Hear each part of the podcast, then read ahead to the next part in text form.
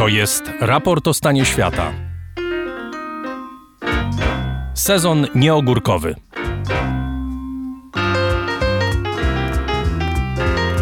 Przy mikrofonie Dariusz Rosiak. Dziś o temacie, który wywołuje ogromne emocje i mnóstwo pytań, w tym jedno zasadnicze. Jak mówić o rzeziach dokonywanych przez Ukraińców na Wołyniu pod kierunkiem UPA, organizacji uznawanej dziś za symbol walki narodowo-wyzwoleńczej Ukrainy, chwili, gdy ten kraj walczy o przetrwanie z imperialną potęgą Rosji? A może pytanie powinno brzmieć, czy w ogóle mówić? I jak traktować polskie zbrodnie dokonane na Ukraińcach w odwecie za zbrodnie ukraińskie? I kiedy zaczęło się zło, którego kulminacją były rzezie na Wołyniu i w Galicji Wschodniej?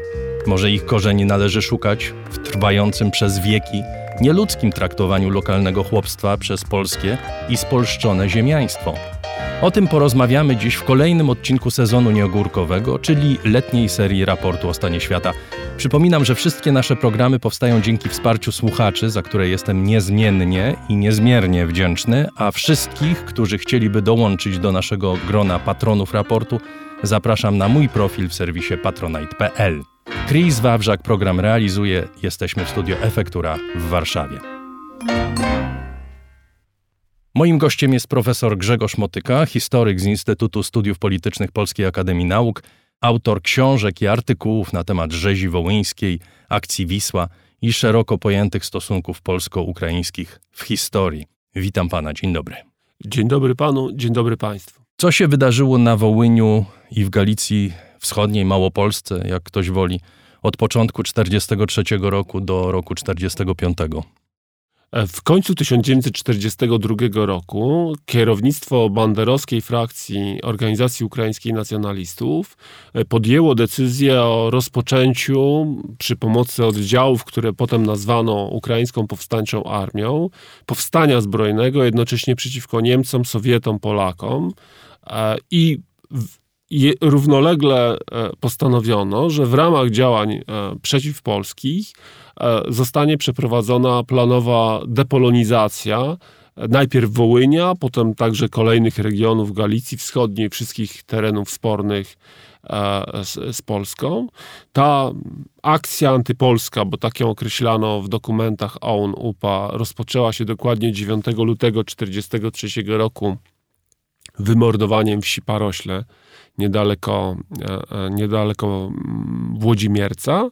E, a zakończyła się ostatni mord tej, w ramach tej, tej, tej akcji depolonizacyjnej miał miejsce 18 maja 1945 roku we wsi Borodyca na e, Lubelszczyźnie. W wyniku działań UPA e, zginęło, zostało zamordowanych w sumie około 100 tysięcy Polaków, z czego około, prawdopodobnie około 60 tysięcy na Wołyniu. Jak pan doskonale wie, wersja ukraińska jest zasadniczo inna. Według Ukraińców to był masowy zryw ludności chłopskiej, niekiedy, nie zawsze, ale niekiedy wspieranej przez UPA, a ludnością tą kierowała zrozumiała rządza zemsty za dekady poniżenia, dyskryminacji, upokarzania w czasach II Rzeczpospolitej i wcześniej przez ziemiaństwo polskie i przez ziemiaństwo ukraińskie, które zostało spolszczone. To jest zasadnicza linia sporu, prawda? To znaczy spontaniczność z jednej strony, powstanie chłopskie, ludzi, którzy czuli się poniżeni, brali się kiery do ręki i zaczęli mordować polskich panów albo polskich swoich sąsiadów, kontra operacja zaplanowana przez elity nacjonalistyczne Ukrainy. To jest ta główna oś sporu w interpretacji tego, co się wtedy wydarzyło? Tak myślę i rzeczywiście moim zdaniem jest to podstawowa podstawowa trudność w relacjach ze stroną ukraińską, z kolegami ukraińskimi w tej sprawie. Problem polega na tym także, że ta teoria, którą pan redaktor bardzo dobrze przedstawił, jest także e, modna, bo ona jest taka, można powiedzieć, wrażliwa lewicowo, od strony lewicowej. W związku z tym jest też wiele osób o wrażliwości właśnie lewicowej, otwartych na lewicowy światopogląd, którym po prostu ta teoria się podoba, wydaje się przekonywująca, taka naturalna i dobrze tłumacząca zjawisko. Panie profesorze, jeśli można, to nie tylko chyba o lewicowość chodzi, ale o środowisko czy taką wrażliwość ludzi, którzy są zmęczeni ciągłym ofiarnictwem Polski ciągłym potwierdzaniem, że my byliśmy wyłącznie ofiarami w historii, prawda? Tutaj tezą, z której się wychodzi, jest to, że u korzeni tego zła, które Ukraińcy wyrządzili Polakom, stało zło, które zostało wyrządzone jako pierwsze przez Polaków Ukraińcom. To trochę inna, e, inne zjawisko, ale rzeczywiście ma pan rację, że one się nakładają się na siebie te dwa, e, te dwa e, zjawiska. Problem z tą teorią o buncie ludowym jest taki, że nie ma żadnych faktów na jej potwierdzenie. A kiedy mówię żadnych, mam na myśli to, że e, gorący zwolennicy tej teorii, upierający się, e, że ona jest prawdziwa e, i z uporem godnym lepszej sprawy, czasami tak bezceremonialnie atakujący polskich historyków, również w polskich gazetach. Dosłownie w tym miesiącu się ukazały teksty, w którym tak zwolennicy tej teorii robili, nie potrafią wskazać choćby jednej wioski, wymordowanej, a w wyniku takiego buntu ludowego. Otóż, jeżeli by ta teoria była oparta na faktach, to wówczas należałoby udowodnić, że te pierwsze wsie, Parośla, Lipniki, Janowa Dolina, zostały wymordowane właśnie w efekcie takiego spontanicznego zrywu. I tu trzeba jednoznacznie powiedzieć, że nie ma, nie tylko nie ma na to żadnego dowodu, ale wprost przeciwnie, my mamy dowody na to, że właśnie te wioski zostały wymordowane przez konkretne oddziały UPA, że te oddziały UPA e, mobilizowały przymusową ukraińską ludność cywilną, e, na przykład już do napadu na Janową Dolinę, gdzie bardzo duże siły łupa e, skoncentrowano, to był kwiecień 1943 roku. I pomimo to dobrano jeszcze z okolicznych wsi ludzi, którym kazano wziąć pochodnie, żeby podpalać e, polskie domy i wywołać właśnie takie wrażenie buntu, e, e, buntu, buntu ludowego powtórzę, nie ma no, dowodu po prostu, żeby chociaż jedna wioska została wybita w, wyniku takiego spontanicznego zrywu. W związku z tym ja uznaję tą teorię nie tylko za fałszywą, ale ludzi, którzy, którzy głoszą tego typu sformułowania, no, dopóki nie potwierdzą je jakimikolwiek badaniami, uznaję za no, niewiarygodnych. Zaraz do kwestii dokumentów y, wrócimy, bo ona jest kluczowa również w tych rozmowach, y, myślę, ze stroną ukraińską, ale chciałem zwrócić uwagę, że pojawia się jeszcze jeden bardzo poręczny argument, mianowicie taki argument metafizyczny. Mianowicie diabeł wstąpił w chłopów ukraińskich, zasmakowali zabijania, poczuli krew i nie było odwrotu. To jest zresztą argument, który pojawia się często w tego typu sytuacjach, może nie często, ale kilkukrotnie pojawił się przy okazji różnego rodzaju rzezi, ludobójstw. Tak miało być na Bałkanach. Robert Kaplan opowiadał i pisał o bałkańskich upiorach, o duszy bałkańskiej, która rzekomo jest po prostu naznaczona zbrodniczością. Tak miało być w Rwandzie, gdzie metafizyka miała tłumaczyć to, że sąsiedzi wybijali swoich sąsiadów. To jest poręczne, bo jeśli wszystko jest sprawą diabła, to nie trzeba pytać o politykę, i w ogóle nie trzeba pytać o sprawczość ludzi. Nie trzeba na przykład zadawać pytania, kto tymi chłopami kierował, albo dlaczego oni dokonywali tego, co dokonywali, prawda? To jest mm, z kolei e, teoria, rzeczywiście ona się pojawiła w ostatnich latach, a y, cieszę się, że pan redaktor ją przywołuje. E, ponieważ ona z kolei jest z drugiej strony e, środowisk ideowych e, bardzo chętnie przywoływana. Mam tu na myśli środowiska nacjonalistyczno-katolicko-populistyczne. I rzeczywiście pojawia się takie tłumaczenie całej tego zorganizowanego charakteru mordu, także okrucieństwa, które się przy tej okazji u, uwidoczniło, właśnie, um, właśnie jakimś metafizycznym udziałem e, e, szatana.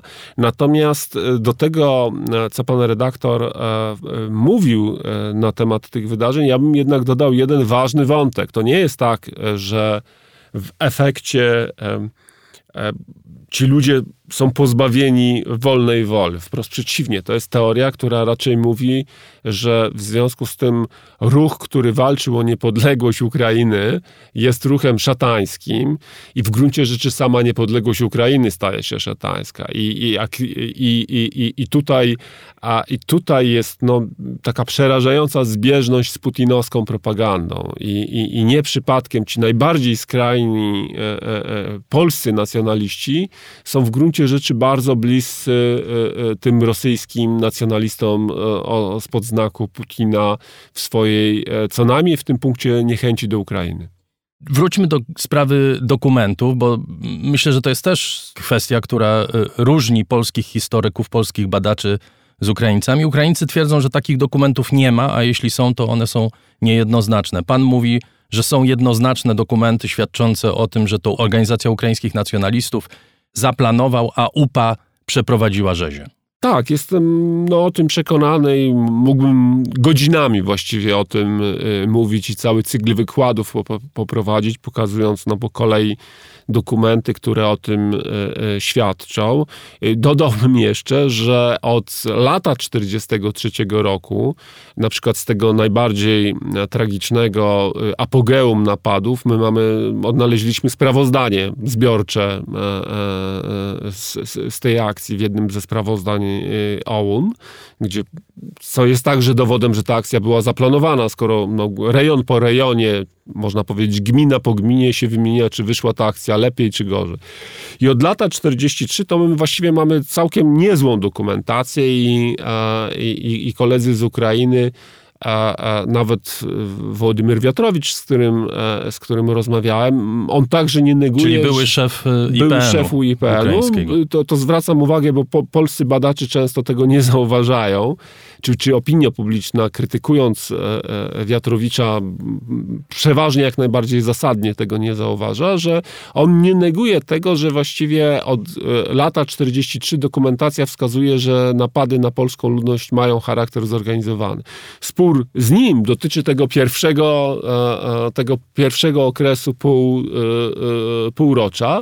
Natomiast również tam twierdzę, że, że, że możemy na podstawie podstawie dostępnej dokumentacji, ale zgoda połączonej no, z takim procesem dowodowym i, i, i, logicznym łączeniem faktów, obecności oddziałów w pobliżu, wynikającym z innych źródeł, a, a zderzeniu, dopiero skrzyżowaniu ze sobą relacji, świadectw dokumentalnych, i, i dokumentów różnej proweniencji, a więc ukraińskich, niemieckich, a, a, a polskich, dopiero tam możemy pokazać, e, e, pokazać no, prawdziwość tej operacji. Ja dodam może jeszcze jedną ważną rzecz, o której pisano, już mówiono o tym, ale może, może warto też dodać. Jeden z takich właśnie do, dowodów na to, że doszło wówczas do zbrodni. Otóż e, jeden z polskich żołnierzy, cichociemny, o którym długi czas myślano, że był dezerterem, a w rzeczywistości na rozkaz dowództwa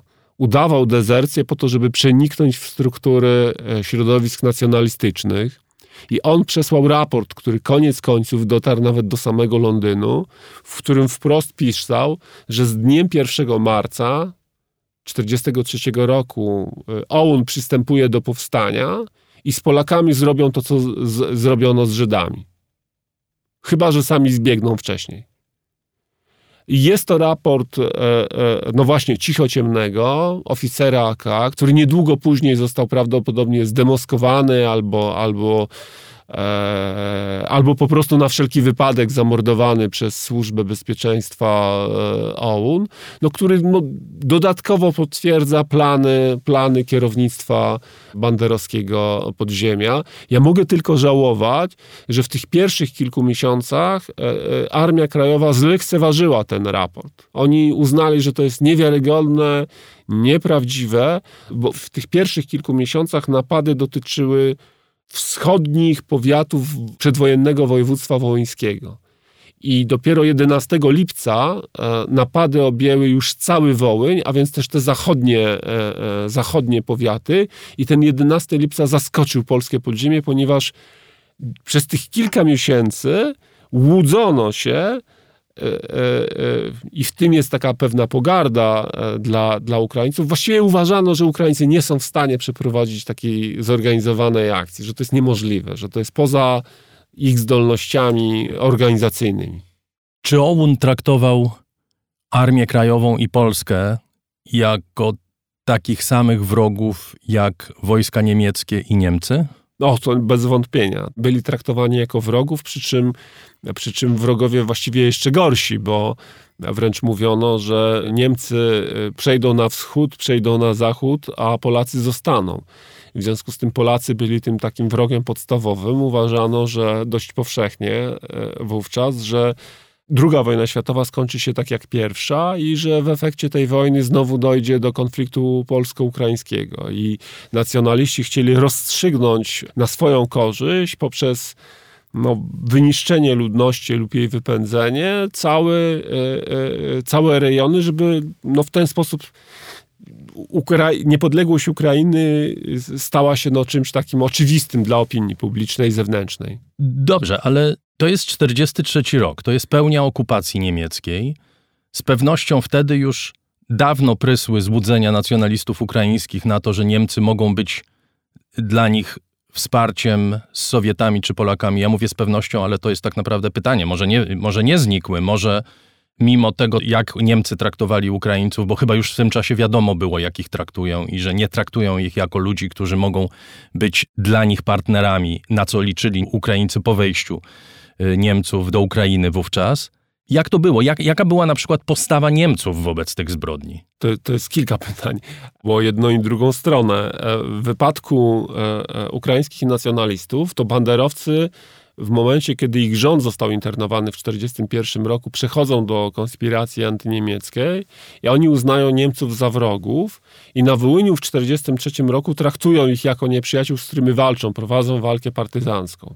Pierwsza akcja UPA to jest napad na posterunek policji, y, policji y, pomocniczej niemieckiej. Natomiast y, Natomiast e, równolegle w Galicji Wschodniej jednak uznawano Niemców za partnerów, bo kwiecień 43 to jest początek formowania dywizji SS Galicjen, do której zgłasza się 80 tysięcy ochotników, z czego no około 30 tysięcy zostaje przyjętych do tej dywizji i odbierano formowanie tej dywizji jako tworzenie pierwszych ukraińskich oddziałów narodowych, które, e, w efekcie których powstanie państwo ukraińskie oczywiście, które będzie miało własne siły zbrojne. Ta świadomość tego, że wchodzenie do jednostek SS jest czymś kompromitującym, jest no, z dzisiejszej perspektywy wręcz zaskakująco, e, e, e, zaskakująco mała.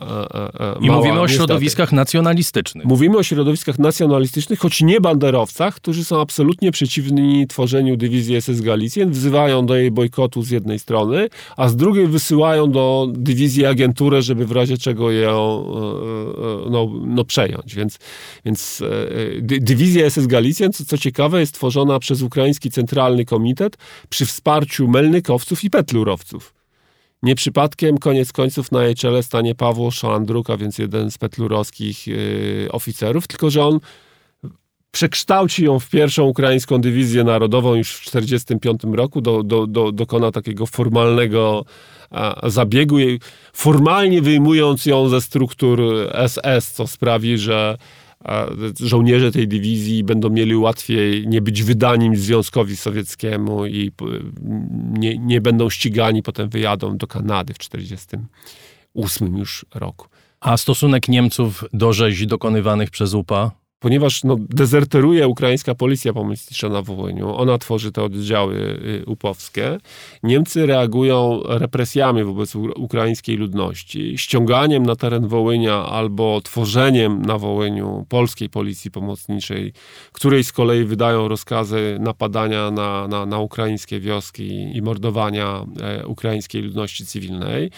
Niemcy tam, gdzie mogą, właściwie zdarzają się wypadki, że bronią polskiej, e, polskich wiosek i możemy wskazać przykłady, gdzie choćby przypadkiem, bo mm, napotykają na, na, oddział, y, y, na oddział Łupowski w chwili, kiedy on się szykuje do napadu na polską wieś dochodzi do de, facto uratowania takiej wioski. Oni też legalizują te samoobrony, które istnieją, nie przetrwałyby bez no, akceptacji niemieckiej cywilnej administracji, co na przyszłość jest no, straszliwie dramatyczne dla członków tych samoobron, bo oni w, w gruncie rzeczy w każdej chwili przez Sowietów mogą być za, za rzekomą kolaborację z Niemcami a, no, ścigani i uznawani za, za niemieckich y, kolaborantów już po wejściu, y, po wejściu Sowietów. A jaka kara reagowała na tego typu kolaboracje. To był oczywiście wybór zawsze jednostkowy, bo Sowieci doskonale zdawali sobie sprawę, e, że, e, e, że, że, że te samoobrony no, działały, działały samodzielnie, więc no, podejmowali takie represje wtedy, kiedy uważali, że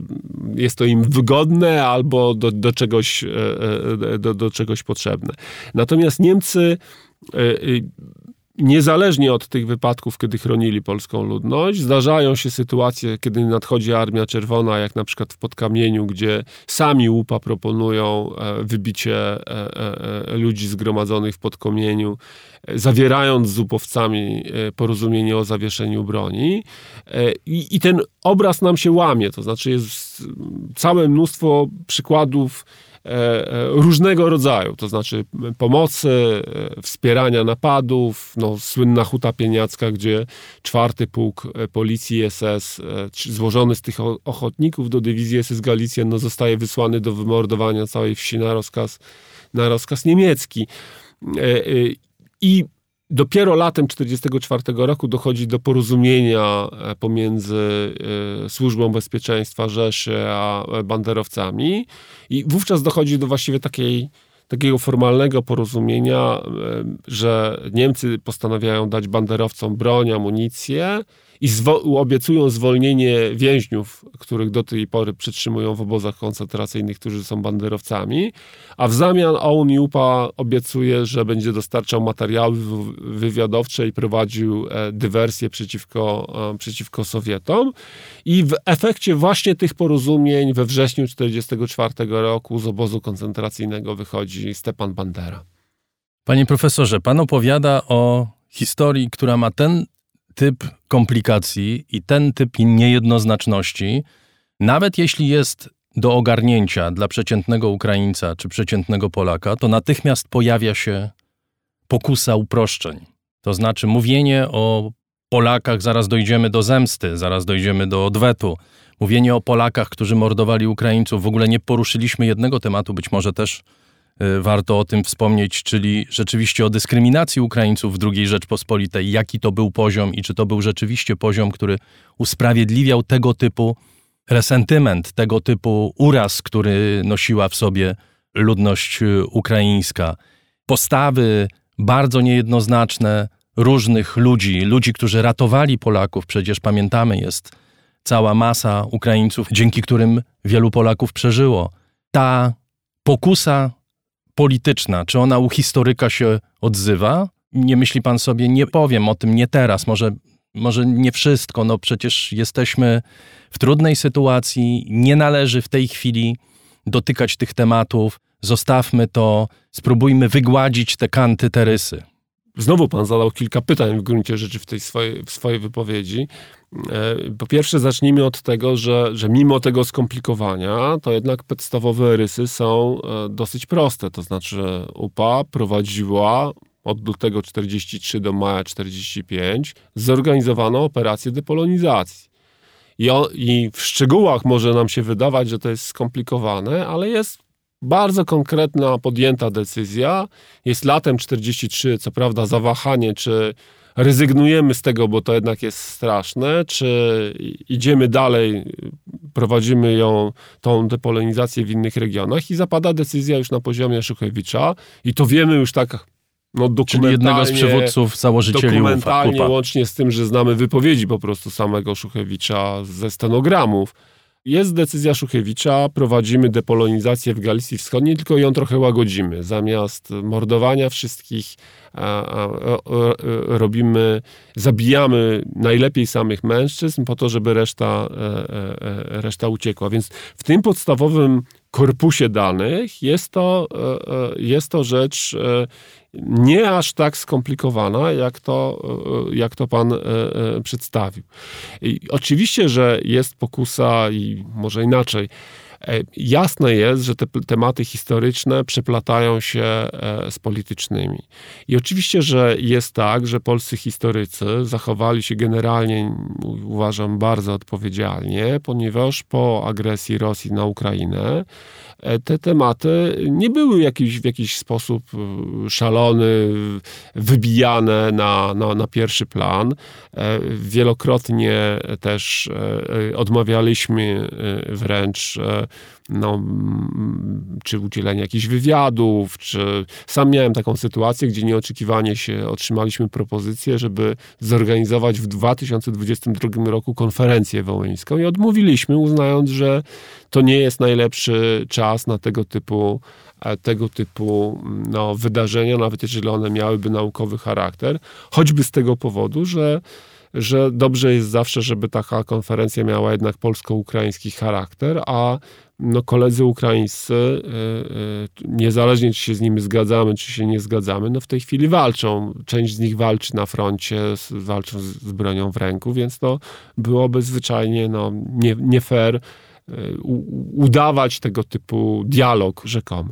Natomiast jeżeli rozmawiamy w tych dniach, no to dlatego, że jest, są obchody 80. rocznicy zbrodni wołyńskiej i, i szacunek wobec ukraińskich partnerów, E, podziw i współczucie e, dla, podziw dla tego, w jaki sposób walczą z, z, Rosją, współczucie, że muszą bronić swojego kraju, że znaleźli się w takiej sytuacji z powodu tej zbrodniczej agresji, no nie zmienia faktu, że my jesteśmy też winni szacunek wobec faktów i y, ofiar. Ja sobie nie wyobrażam, że z okazji tej 80. rocznicy zbrodni wołyńskiej nie przypomnijmy podstawowych faktów, będziemy udawali, że to nie upa e, e, dokonała tego typu e, czystek i, i, i, zbrodni, no byłoby to po prostu zwyczajnie, pomijając wszystko inne, zaprzeczenie etosu historyka, naukowca. No, mam obowiązek mówić, przedstawiać E, rzeczywistość taka, jaka była, e, e, albo jak to woli, taką, jaką uważam, że, że była. I, I to staram się lepiej lub gorzej robić, no ponieważ pracuję w Instytucie Politologicznym, to mam ten luksus, że przestrzegam też czasami przed społecznymi skutkami pewnych zaniechań w sferze historii, albo, albo odwrotnie eksponowaniem e, nieodpowiedzialnym jakichś tematów historycznych, to ktoś może uznawać zamieszanie się w politykę, ale w rzeczywistości jest no, wypełnianiem takiej no, społecznej roli y, y, y, naukowca w tym wymiarze takim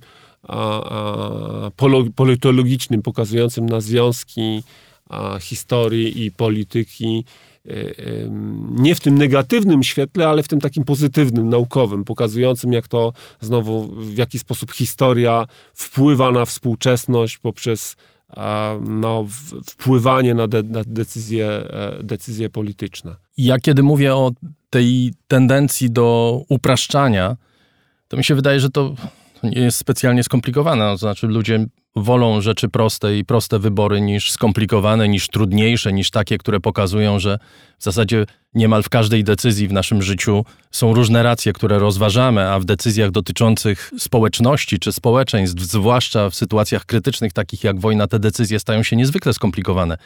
Pan mówi o tych kantach, które, że nie ma być może ich tak wiele.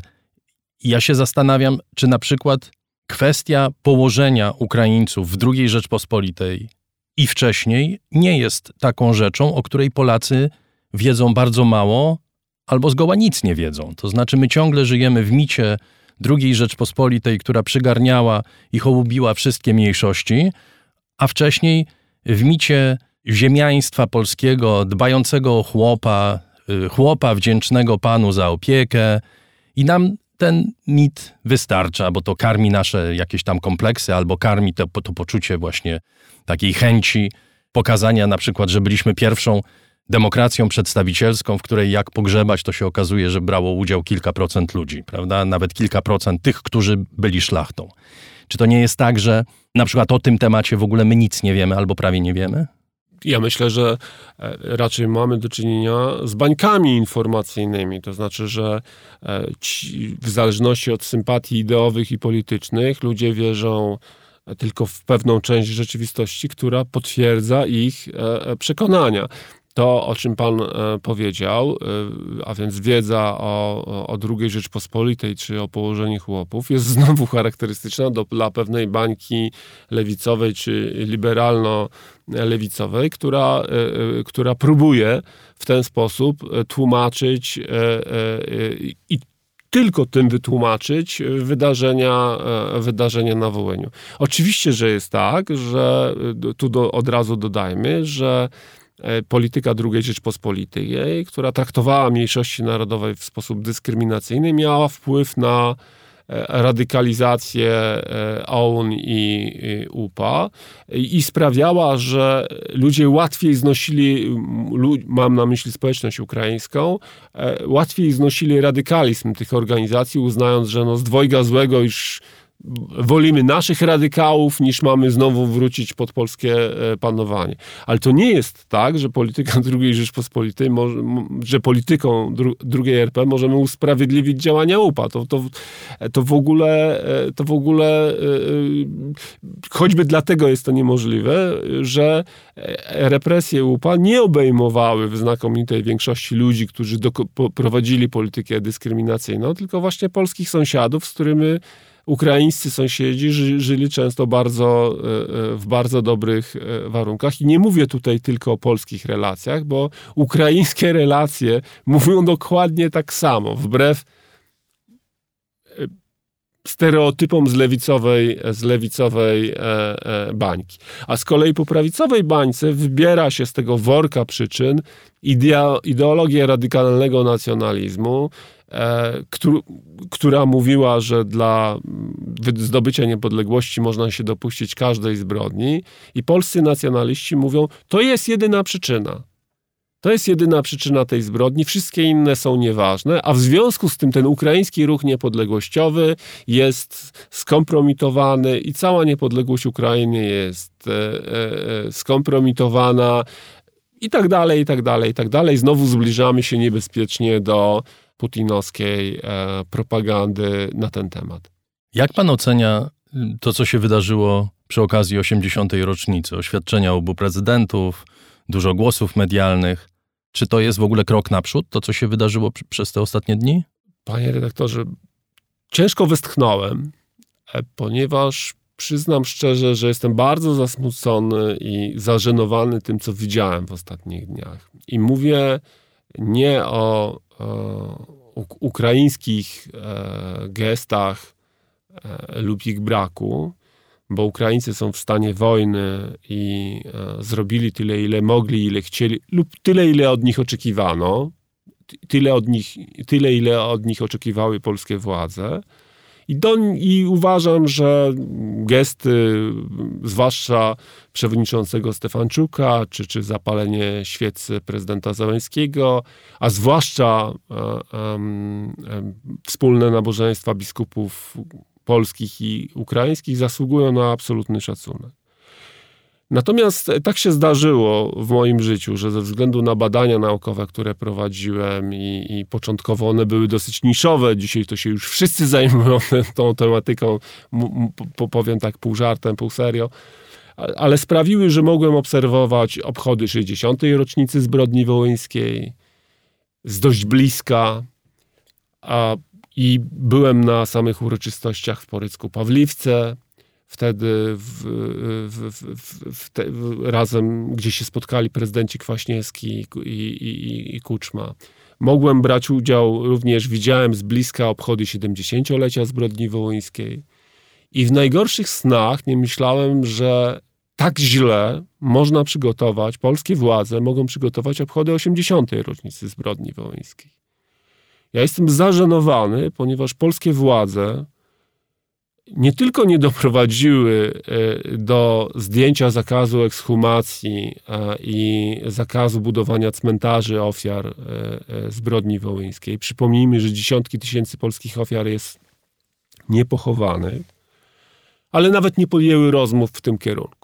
Ten zakaz powstał w czasach rządu PiS, żeby nie było wątpliwości. Wcześniej nie było tego zakazu. Wcześniej poprzednie rządy powoli, bo powoli, z trudem, bo z trudem, ale, ale, ale, ale te cmentarze powstawały tam raz na parę e, lat. W czasach rządu PiS doprowadzono do tego, że ogłoszono zakaz ekshumacji i e, i władze nie zrobiły nic, nie podjęły żadnych rozmów ze stroną ukraińską. Ani przedstawiciele obydwu IPN-ów ze sobą nie porozmawiali, bo rzekomo prezes polskiego IPN-u jest na takiej wysokiej pozycji, że nie może spotkać się z prezesem ukraińskiego IPN-u, bo on jest zbyt nisko w randze urzędniczej. Powstał co prawda specjalny zespół obydwu ministerstw kultury, ale on się z tego co wiem nawet nie spotkał spotka się dopiero teraz pod naciskiem krytycznej opinii publicznej w końcu lipca. A jednocześnie mieliśmy do czynienia z szeregiem takich wypowiedzi ostrych, że to skandal, że ten zakaz jest utrzymywany. I niech pan zderzy właśnie te dwa fakty. Brak rozmów z tą taką ostrą retoryką płynącą ze strony ministrów. No to jest polityka, to jest uprawianie polityki, pewnie krycie samych siebie, przed Nie, opinią publiczną. Styl, to jest taki styl, panie redaktorze, jak w wypadku imigrantów i tego nieszczęsnego referendum, że z jednej strony mówi się o prawdziwych i rzekomych groźbach ze strony imigrantów, a z drugiej strony dziesiątki tysięcy sprowadza się ich za pomocą firm, no i twierdzi się, że oni są świetnie sprawdzani, a, a opinia publiczna jednak ma co do tego wątpliwości. Dlaczego pochowanie ofiar jest ważne, to, to łatwo się domyślić. Natomiast dlaczego ekshumacja jest tak istotnym postulatem strony polskiej? Myślę, że w gruncie rzeczy ekshumacja jest tym warunkiem e, e, koniecznym do tego, żeby zorganizować sieć cmentarzy. Potrzebna jest umowa, która zresztą w okolicach 2005 roku była podpisana o całej sieci cmentarzy. I ekshumacje pozwolą, e, e, e, pozwolą no po prostu odnaleźć te szczątki pomordowanych i je, je pochować. No po prostu po ludzku sprawić, żeby, żeby, żeby stworzyć takie miejsca, gdzie, gdzie ofiary będą mogły przyjść, złożyć wieniec, pomodlić się, zapalić świeczkę. Natomiast rzeczywiście jest tak, że wtedy, kiedy one były prowadzone, czyli ponad dekadę temu, dochodziło do sporów wokół tych ekshumacji, ponieważ widok tych dziesiątek, setek szkieletów wywoływał no, piorunujące wrażenie. Potwierdzał też e, polskie opowieści o zbrodniach e, UPA i rzeczywiście po stronie ukraińskiej nie było tej otwartości. Była obawa, że to może wymknąć się e, spod społecznej kontroli, ale powtórzmy, panie redaktorze, nie było tego zakazu. Ten zakaz pojawił się bodajże w 2017 roku w odpowiedzi na to, że doszło do szeregu zniszczeń upamiętnień ukraińskich po stronie, po stronie polskiej i odmowa, żeby nawet te z tych upamiętnień, które były legalne, żeby zostały odnowione. Panie profesorze, my żyjemy w czasach, w których pamięć wypiera historię z życia publicznego. To widać w badaniach na przykład Holokaustu, gdzie często traktuje się niemal bezkrytycznie świadectwo ofiary. Wydaje też się, że, nie wiem, próba skłonienia środowiska kresowiaków, ludzi, którzy potracili rodziny albo zostali wygnani, albo też na przykład, nie wiem, Ukraińców, którzy zostali zamordowani przez AK albo wysiedleni gdzieś tam do Ełku w ramach akcji Wisła. Próba znalezienia wspólnego mianownika w ich relacjach, po pierwsze w ich relacjach, a po drugie w ocenie tego, co się wydarzyło, że to jest wszystko po prostu niemożliwe. Czy pan wierzy w to, że możliwe jest wypracowanie jakiejś wspólnej polsko-ukraińskiej wersji tego, co się wydarzyło? I czy w ogóle taki postulat jest y, realny? Czy o to chodzi, żeby wypracować wspólną wersję? Czy my jesteśmy skazani na to, że Ukraińcy i Polacy będą inaczej mówić, myśleć i inaczej pamiętać to, co się wydarzyło wtedy? Jeżeli dojdzie do wypracowania jakiegoś pewnego wspólnego, e, wspólnej wizji, to to musi się stać z czasem w wyniku pewnego dłuższego procesu, dyskusji, debat, e, e, rozmów na ten temat. To się nie stanie tak efektownie z dnia na dzień. Rzeczywiście jest tak, że z powodu tych zmian w takich przekazach społecznych, w wytworzeniu się tych baniek społecznościowych dzisiaj jest trudniej niż, niż, niż kiedykolwiek, bo łatwość takich prostych e, odpowiedzi jest tak e, e, przerażająca, że jednocześnie takie zwolnienie, najgorsze może z punktu widzenia naukowca jest to, że ludzie czują się zwolnieni, a, a, a wcześniej tak jednak nie było, zwolnieni z zapoznawania się z różnymi punktami widzenia. W związku z tym w gruncie rzeczy to jest tak, Z ludźmi, że, którzy myślą inaczej niż my. Tak. tak, że w gruncie rzeczy to jest tak, że po prostu ma się do czynienia ciągle e, z ludźmi, którzy, e, e, którzy powtarzają te same argumenty, uważając, że są niezwykle oryginalni i i, uważają, że oni właściwie nie mają powodu, żeby czytać tych, tych wszystkich e, publikacji, artykułów, filmów oglądać, które mówią cokolwiek innego. I w tym sensie rzeczywiście jest to taki czasami no, ma się wrażenie e, wysiłek syzyfowy. Trzeba na to patrzeć właśnie tak z góry, na jako na pewien proces, który się odbędzie. Mądre, odpowiedzialne państwo by tym w ten sposób zarządzało, że po prostu by e, tworzyło takie ramy, które by ułatwiały kontakty akademickie, jednocześnie, jednocześnie no, wzmacniało badania naukowe idące e, w tym kierunku ja ze smutkiem patrzę też na to, że jest w tej chwili taki przerost w Polsce edukacji nad nauką, to znaczy nawet w działaniach IPN-u, więc silniejszy jest w tych ostatnich... A co to znaczy edukacji nad nauką? Edukacji, a więc szermuje się pewnymi faktami, które są znowu takimi faktami prostymi, po to, żeby wytworzyć pewien przekaz e, e, e świadomościowy, po, świadomościowy, również po to, żeby go wykorzystywać politycznie. Natomiast to się nazywa polityka historyczna. Się, tak, no mniej się troszczy o to, żeby prowadzić rzeczywiście odpowiedzialne badanie, które, które by podchodziło do tych rzeczy, które są na przykład wątpliwe, e, jeśli do weryfikacji tego typu, te, tego typu spraw. W związku z tym znacznie łatwiej opowiadać głupstwa o święceniu noży, niż e, przeprowadzić no, falsyfikację tego dowodu po prostu e, zwyczajnie.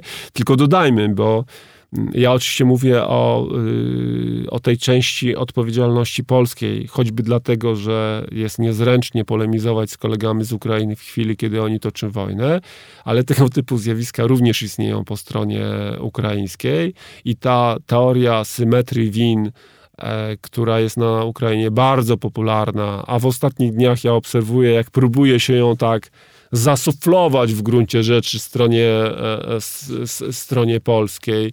I czasami skutecznie, jak to pokazuje ten nieszczęsny tweet prezydenta e, Andrzeja Dudy, który no, no pokazał nieprofesjonalizm, no bądźmy delikatni, jego otoczenia, jego ministrów, no, Do jakiego tweetu pan nawiązuje? E, po spotkaniu w Łódzku, o którym pan mhm. mówił, które było bardzo ważne i bardzo dobrze, że prezydenci się spotkali, bardzo dobrze, że, że uczestniczyli wspólnie na, we, we mszy, został, e, został napisany tweet, który tak opisał wydarzenia.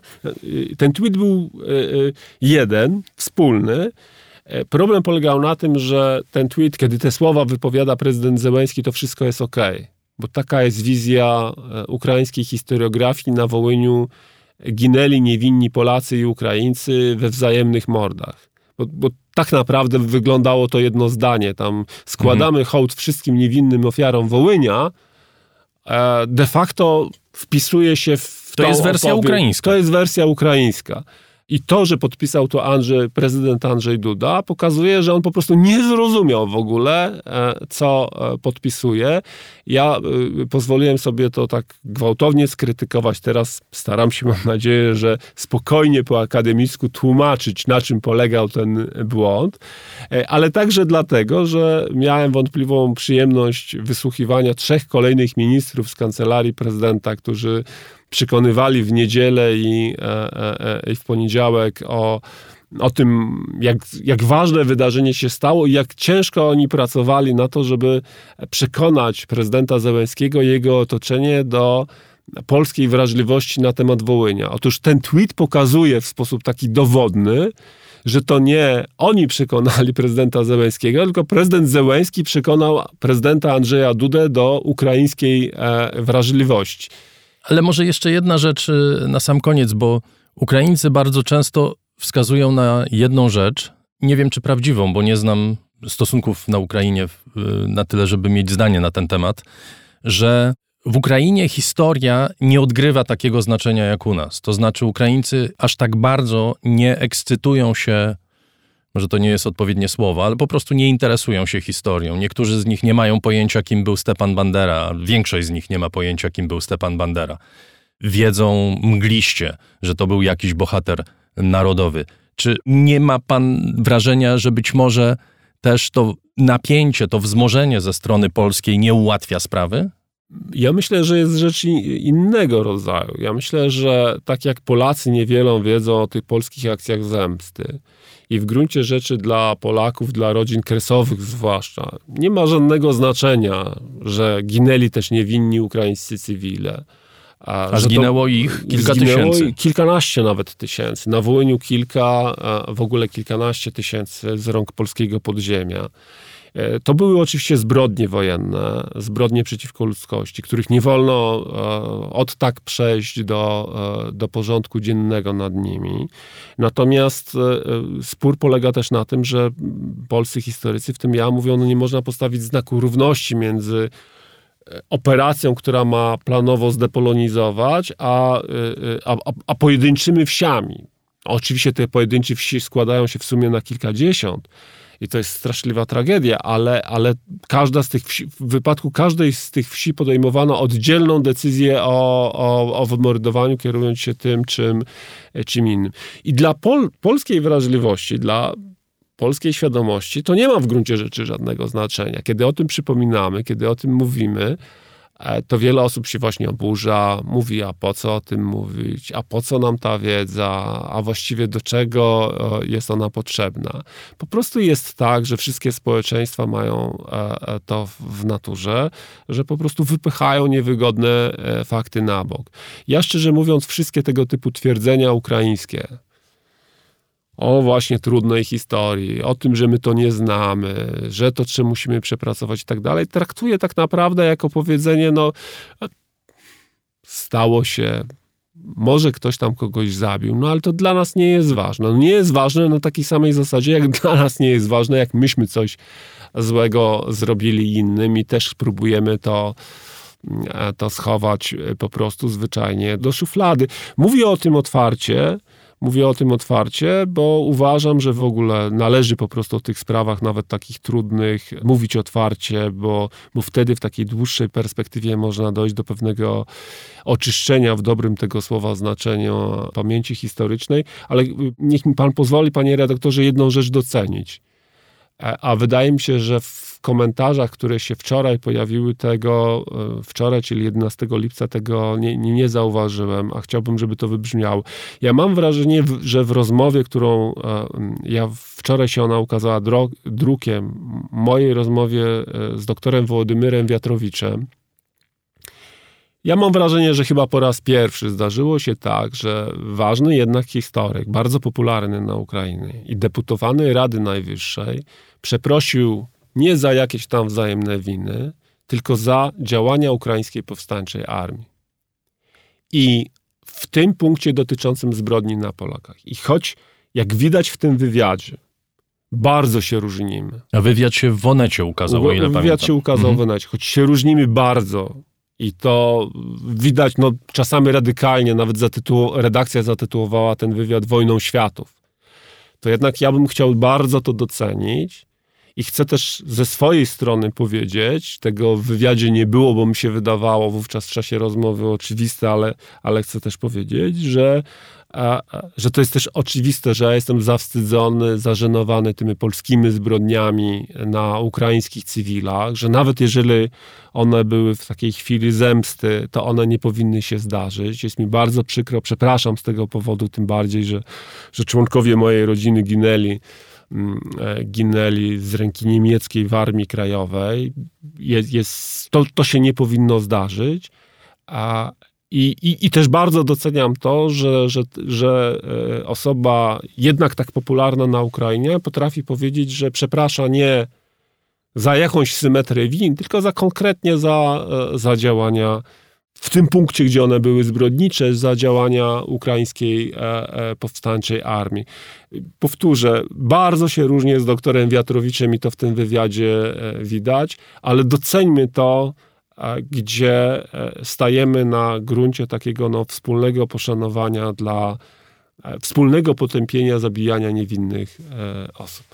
No i tym bardziej to jest ważne, że mówimy to w sytuacji, w której obecny szef IPN-u walczy na froncie, prawda? Tak, obecny szef IPN-u walczy na froncie i natomiast jego z kolei wypowiedzi są e, e, tak niepolityczne i, i, i, i tak e, szkodzące relacjom polsko-ukraińskim. Nie boję się tego słowa e, powiedzieć, że naprawdę powinno być to dla przestrogą, żeby e, że,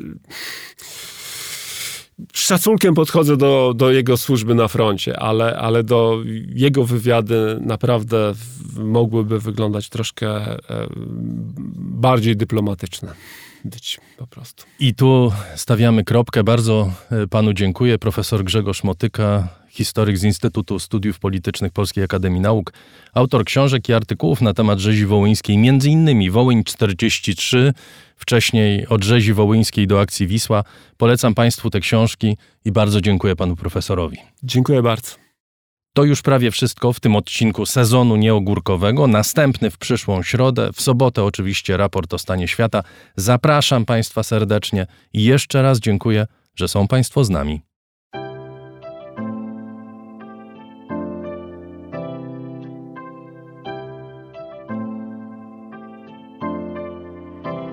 Raport o stanie świata od marca 2020 roku rozwija się dzięki Państwa zaangażowaniu i szczodrości. To dzięki Wam możemy opowiadać o świecie przy pomocy dźwięków. Dzięki Wam ten program może być przygotowywany w profesjonalny sposób z zachowaniem najwyższej jakości, bo na nią zasługują słuchacze raportu o stanie świata.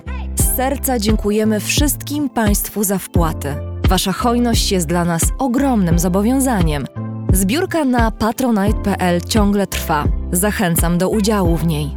Najhojniejsi patroni raportu o stanie świata to firma Ampio Smart Home, Aureus, leasing, kredyt, ubezpieczenia, księgowość. Sprawdź nas na www.aureus.pl. Hotel Bania Termal i Ski w Białce Tatrzańskiej, oferujący pakiety pobytowe z termami w cenie. Mikosz Barczewski, 2005 Global. Firma doradcza Crido Galmet polskie pompy ciepła. Sklep internetowy goldsaver.pl, w którym sztabkę fizycznego złota kupisz po kawałku i bez wydawania jednorazowo dużych kwot. KR Group firma outsourcingowa www.krgroup.pl Razem w przyszłość. Polsko-Japońska Akademia Technik Komputerowych. Warszawa, Gdańsk, Bytom. Michał Małkiewicz Northmaster, marka łodzi motorowych z Polski. www.northmaster.pl Wydawnictwo Pascal, wydawca przewodnika Polska na weekend. Firma Software Mill, od zawsze zdalni, programują dla całego świata. Dom wydawniczy Muza, bo świat nie jest nam obojętny. PurePlay, transparentna agencja mediowa digital i doradca w budowaniu kompetencji in-house. Uber. Myślimy globalnie, działamy lokalnie. Agnieszka i Sławek Zawadzcy. A także Budros. Pompy ciepła. Gruntowe pompy ciepła dla budynków przemysłowych i wielorodzinnych. Kompleksowa obsługa. Liceum Błańskiej Gdańsk-Kowale. Przemyślana edukacja w dobrym miejscu. Piotr Bochnia. Michał Bojko. CIO Net and Digital Excellence łączymy ludzi i idee. Grupa brokerska CRB Ubezpieczenie należności dla Twojej firmy. Bezpłatne porównanie ofert www.grupacrb.pl Duna Language Services Biuro tłumaczeń do zadań specjalnych www.dunabiz Flexi Project kompleksowy i intuicyjny system do zarządzania projektami i portfelami projektów. JMP z miłości do sportu, z najlepszych tkanin, w sercu Podhala szyjemy dla Was porządną odzież. Palarnia kawy La z Augustowa. LSB Data dedykowane aplikacje internetowe dla biznesu. Masz pomysł? Zrealizujemy go. lsbdata.com Wydawnictwo Uniwersytetu Łódzkiego, wydawca książek serii Krótkie Wprowadzenie. Wszystko, co trzeba wiedzieć. Leszek Małecki. Aplikacja Moja Gazetka. Polska proekologiczna aplikacja zakupowa z gazetkami promocyjnymi i nie tylko. Moja Gazetka. Kupuj mądrze. Firma Prosper z Sosnowca. Hurtownia elektroenergetyczna i właściciel marki Czystuś. Firma ODO24. Optymalny kosztowo outsourcing ochrony danych osobowych ODO24.pl. Tatrzański Festiwal Biegowy Tatra Sky Marathon. 22 lipca biegamy w sercu Tatr i gminy Kościelisko. Tixto.pl Niezależny serwis biletowy. Sprzedamy bilety na Twoje wydarzenia kulturalne i sportowe. Drukarnia cyfrowa totem.com.pl. Dla nas książka zasługuje na najwyższą jakość. Fundacja Wasowskich, opiekująca się spuścizną Jerzego Wasowskiego i wydawca książek Grzegorza Wasowskiego. Szczegóły na wasowscy.com. Michał Wierzbowski. Wayman oprogramowanie wspomagające firmy inżynieryjne w zarządzaniu projektami, stworzone przez polskich inżynierów dla sektora projektowego www.wayman Software. Zen Market pośrednik w zakupach ze sklepów i aukcji w Japonii Zen Market JP. Dziękujemy bardzo. To dzięki Państwu mamy raport o stanie świata.